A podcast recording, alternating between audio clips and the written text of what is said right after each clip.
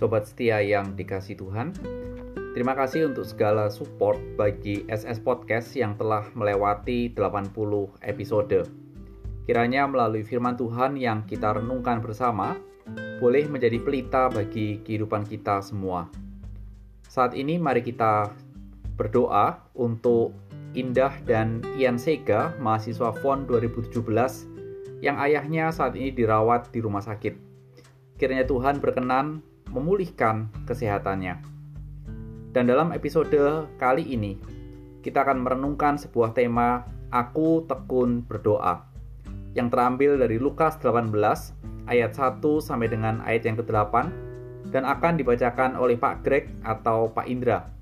Terima kasih untuk supportnya Pak dan kiranya Tuhan memimpin dalam menjalankan tugas sebagai guru dan wakil kepala sekolah.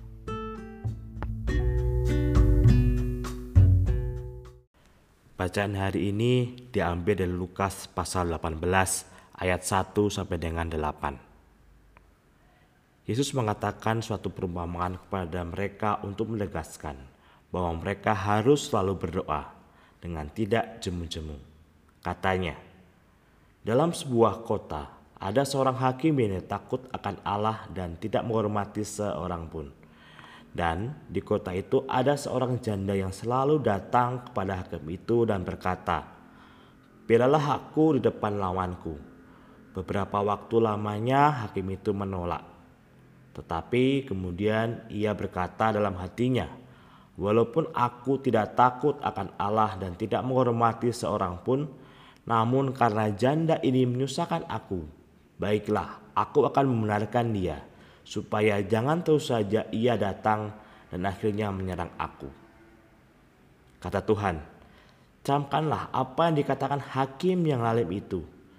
Tidakkah Allah akan membenarkan orang-orang pilihannya yang siang malam berseru kepadanya? Dan adakah ia mengulur-ulur waktu sebelum menolong mereka? Aku berkata kepadamu, ia akan segera membenarkan mereka. Akan tetapi, jika anak manusia itu datang, adakah ia mendapati iman di bumi?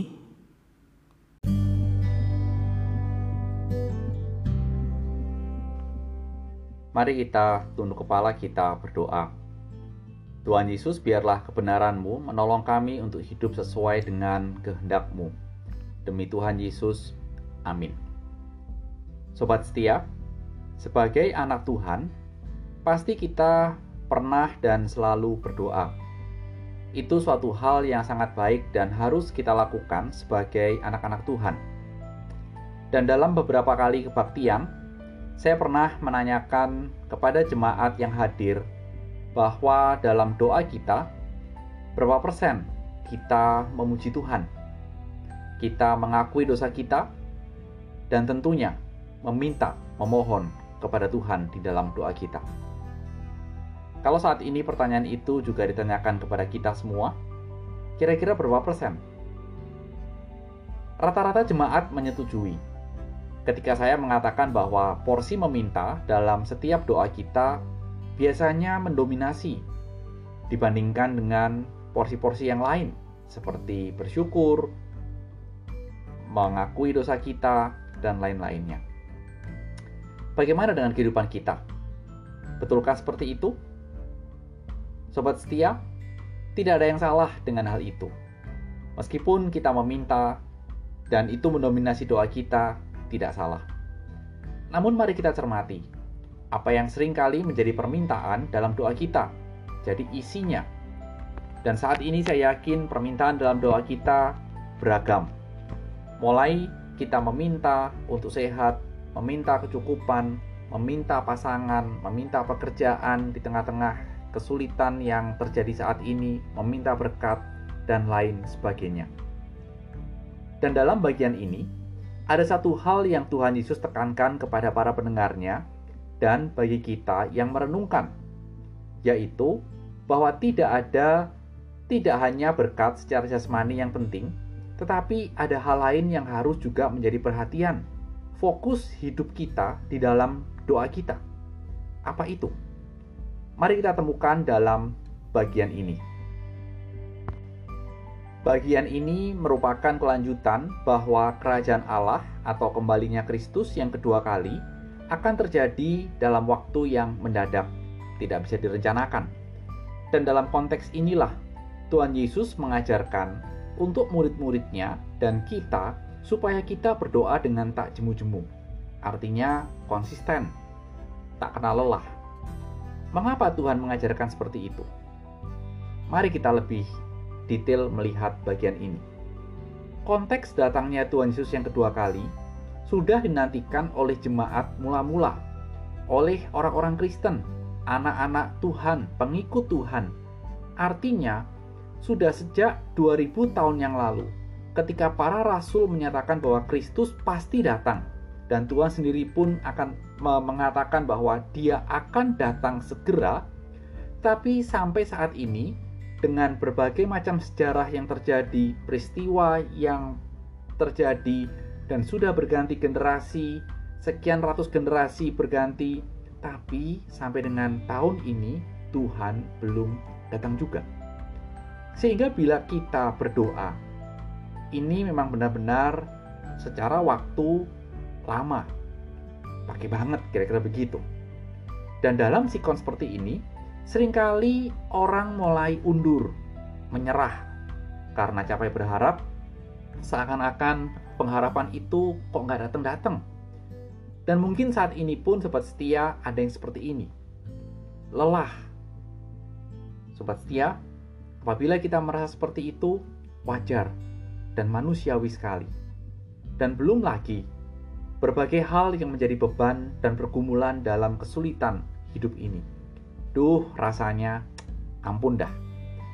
Oleh karena itu, Tuhan memberikan kekuatan dan kesegaran bagi kita untuk kita benar-benar bertahan dalam doa dengan tak jemu-jemu, terus berdoa. Mengapa Tuhan menekankan dan mengajarkan hal itu?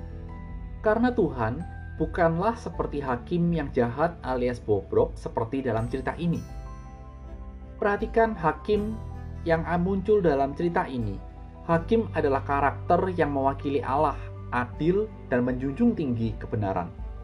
Tapi dalam cerita ini justru sebaliknya. Hakim itu digambarkan tidak takut akan Allah dan tidak menghormati sesamanya manusia. Lah, ini hakim model apa? Dan kalau pemegang kekuasaan untuk urusan keadilan seperti itu, gampangnya ampun dah rakyatnya. Yang yang ada dalam wilayah kekuasaannya bisa apa. Namun di cerita itu dilanjutkan, di kota di kota itu juga ada seorang janda yang dapat diduga bahwa tidak mendapat keadilan. Sehingga dia mendatangi hakim yang bobrok itu karena hanya hakim itulah satu-satunya harapannya supaya dia mendapat keadilan. Hal ini dilakukan karena saat itu Karakter seorang janda adalah kaum yang super miskin, yang tidak memiliki masa depan. Kalau orang mengatakan masa depan cerah, janda ini kira-kira dalam konteks saat itu masa depan sangat suram. Sehingga inilah sebuah gambaran yang sangat menyedihkan. Beda dengan gambaran dari infotainment mengenai seorang janda yang hidupnya sering kali dikatakan kaya. Beda beda sekali. Namun namanya hakim yang bobrok itu dia tidak menghiraukan janda ini dalam beberapa waktu. Kira-kira ada periode yang berjalan dan kita tidak tahu berapa lama karena Lukas tidak menuliskan lamanya periode itu. Tapi yang pasti tidak sebentar. Dan janda ini tidak menyerah dengan kondisinya. Setiap hari selalu mendatangi hakim itu. Sehingga cerita ini mengatakan, setelah sekian lama, akhirnya hakim itu mau membela hak janda itu, meskipun motivasi dan tujuannya keliru. Perhatikan, dia mau menolong supaya janda ini tidak menyusahkan hidupnya dan menyerang dia. Sekali lagi, ini hakim model apa? Coba. Cerita ini berhenti sampai di sini. Tidak ada kelanjutannya. Dan Tuhan Yesus langsung mengkontraskan kalau hakim yang amburadul saja seperti itu bisa membela seorang janda, apalagi bapamu yang di surga. pasti jauh lebih membenarkan dan menolong tanpa mengulur-ngulur waktu. Apa artinya? Pasti on time pertolongan Tuhan itu. Tidak mengulur-ngulur seperti hakim yang menunda dan tidak mau membela. Yakinlah bahwa pertolongan Tuhan tidak pernah terlambat. Dan mungkin kita saja yang sering kali kecepatan dalam meminta pertolongan Tuhan.